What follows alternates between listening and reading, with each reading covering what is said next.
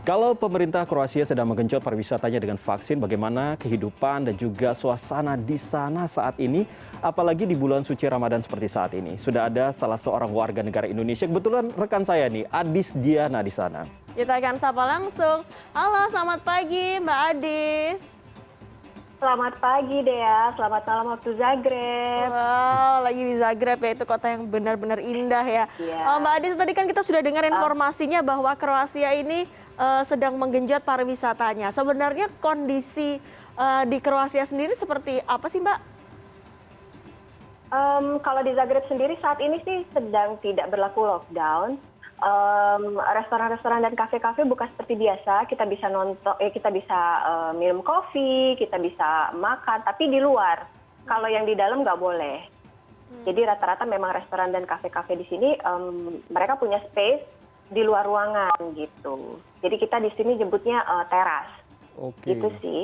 Tapi berbicara soal protokol kesehatan berarti tidak terlalu ketat dong, hanya sebatas makan di luar, tidak di dalam ruangan. Tapi kalau soal pakai masker, jaga jarak, cuci tangan dan lain sebagainya seperti apa? Em, kebetulan kalau pemerintah di sini sendiri tidak mewajibkan memakai masker di luar ruangan. Jadi kalau misalnya kita jalan di luar ruangan itu banyak yang nggak pakai masker karena memang tidak diwajibkan gitu. Mm-mm. Tapi kalau di luar eh, begitu masuk ke dalam eh, ke dalam market misalnya, ke dalam mall misalnya itu ud- udah otomatis pakai masker. Hmm. Gitu sih. Memang eh, seperti apa sih Mbak? Seperti eh, jumlah kasusnya begitu, apakah terus menurun atau bagaimana? Karena kan eh, di seluruh dunia pada awal pandemi itu semua orang harus pakai masker, di mana pun, di dalam ruangan maupun di luar. Sebenarnya kalau di Kroasia sendiri bagaimana sih Mbak angka kasus COVID-nya? angka kasusnya sebenarnya semakin naik ya. Kebetulan eh, kemarin kita sebenarnya mm, semi lockdown lagi, cuman baru-baru ini eh, dibuka. Eh, tadinya sih semua kafe ditutup, eh, hanya bisa take away aja gitu. Tapi sekolah buka seperti biasa. Eh, untuk level kelas 1 sampai dengan kelas 8 kalau saya tidak salah itu tatap muka seperti biasa. Hanya level kelas 9 dan 12 yang eh, melakukan kelas online. Oh, itu apa alasannya? Kenapa yang sekolah dasar justru Yang eh, lebih muda ya? Iya, bisa melakukan sekolah tatap muka sedangkan yang eh, jenjang lebih tinggi lagi itu justru harus di melalui online begitu. Em, kalau saya sih sem- sempat eh, berbicara dengan salah seorang dokter anak, eh, salah satu alasannya adalah kalau anak-anak di umur segitu, eh, mereka masih didampingi oleh orang tuanya ke mana-mana, kegiatannya, eh, bertemu dengan teman-teman, main ke mana gitu. Jadi apabila mereka sakit itu lebih gampang mentrace-nya gitu.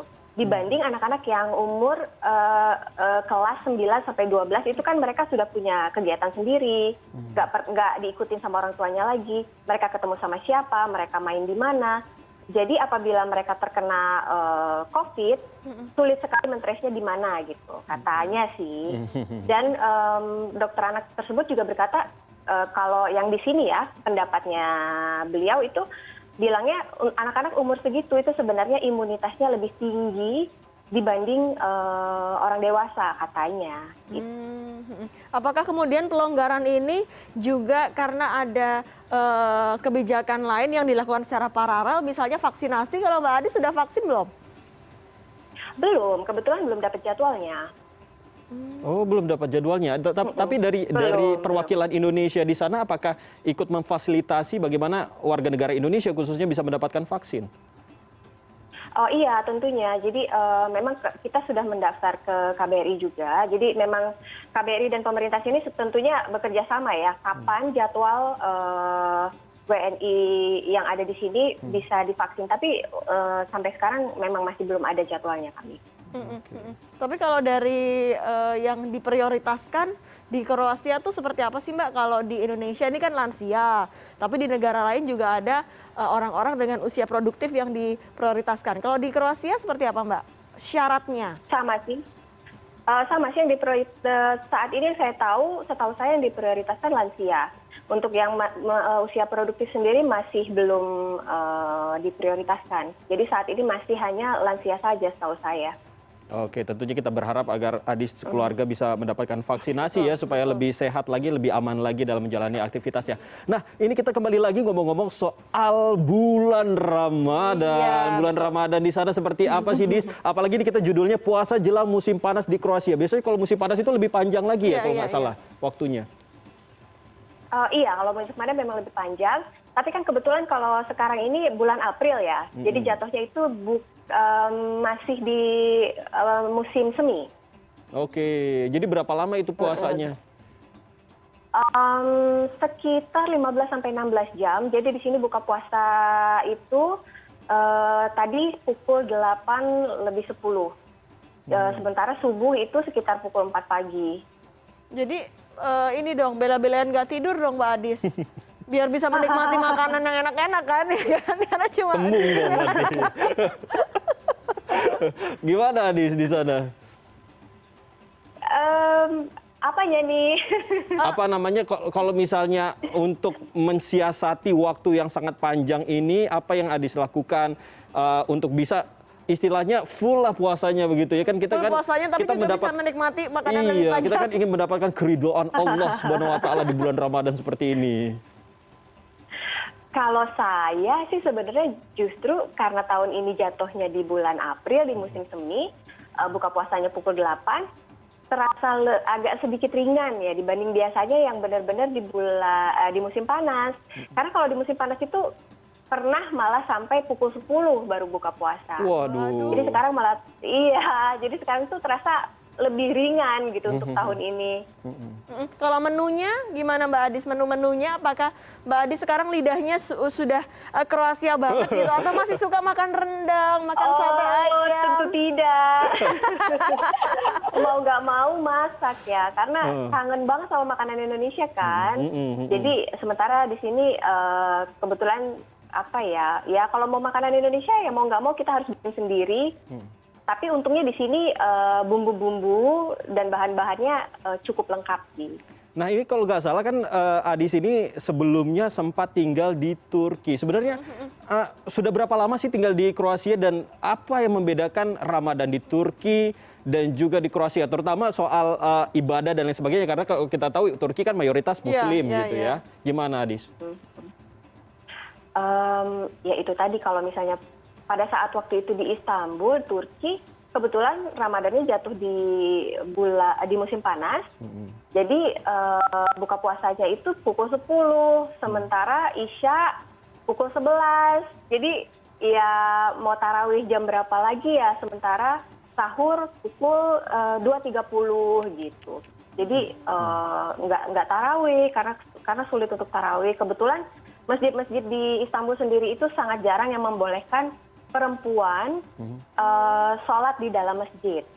Memang suasana Ramadannya sih lebih terasa karena em, setiap hari ada buka bersama diadakan sama pemerintah kota gitu. Jadi kita bisa lihat setiap menjelang berbuka itu orang-orang sudah siap-siap eh, beres-beres, ngangkut meja dan segala macam untuk buka puasa bersama dan semua orang bisa ikut. Lebih terasa eh, Ramadannya gitu, lebih dapet. Terus azan juga lebih kedengeran kan ya, terdengar azan di mana-mana gitu.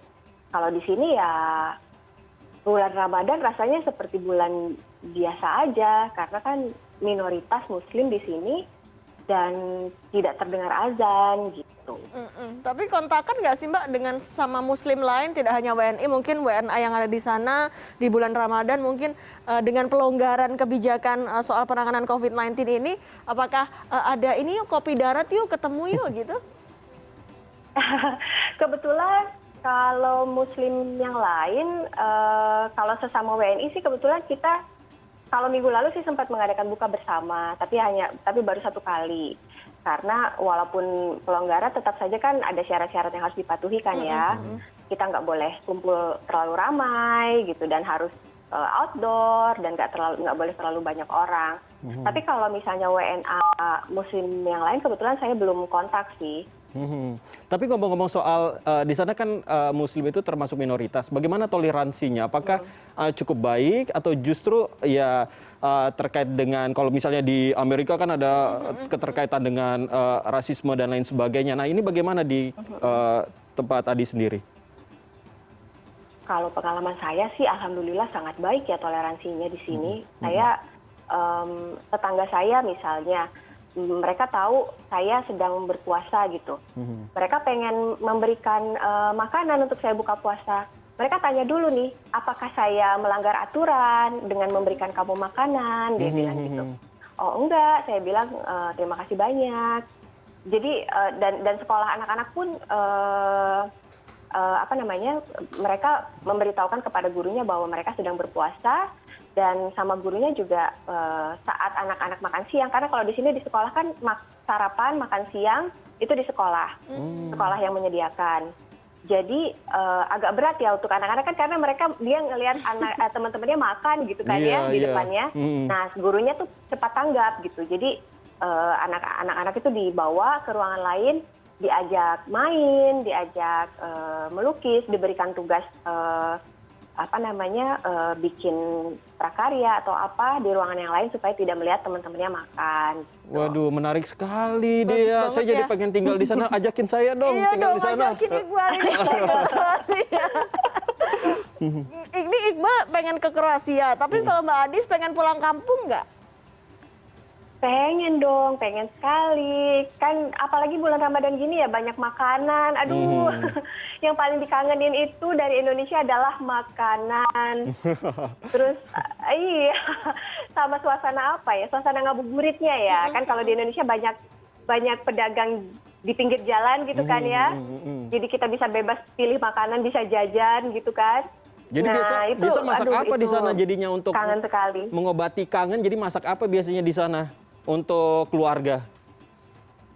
apa ya macem-macem sih tergantung moodnya lagi apa terkadang-kadang mie ayam Hmm, kadang-kadang Oh, mie ayam mantap Mie juga ayam ya. mantap juga ya. ayam goreng Susah nggak sih cari macem-macem sih. cara eh, apa cari-cari bahan-bahan yang eh, Asia begitu yang khususnya bisa untuk masak-masakan Indonesia susah nggak sih? Oh enggak, gampang di sini. Nah itu keuntungannya di sini mm, bahan-bahan Asia, bumbu-bumbu Asia eh, lumayan lengkap. Oh. Harganya memang tinggi ya. Oh mahal ya di sana ya. Mm-mm, mm-mm. Harganya memang lebih tinggi dibanding bumbu eh, biasa, tapi lengkap dan gampang gitu. Oke, tentunya kita berharap eh, kit- eh, nanti Adis bisa kembali ke Indonesia dan kita, bisa ke ya. Kroasia. Iya, iya. Jadi kita norak banget ya. Nora, Nora deh, Iya, yang iya, penting bisa diajak ke sana. diundang ya. Bukan bukan kita ke sana tapi diundang loh, ini Iya, iya, diundang. iya. Tolong ditekankan, diundang. Oke, Mbak Adis, eh, terima kasih banyak ya sudah berkenan bergabung bersama kami di sana malam hari di sini waktu sahur dan puasanya panjang banget 16 jam. Iya, Kalau saya langsung pingsan tuh. Bukannya malah senang, bisa langsung wah kurus gitu ya. Itu yang diharapkan. Iya, Iya. bisa kurus. Oke, terima kasih Mbak Adis, semoga sehat selalu ya.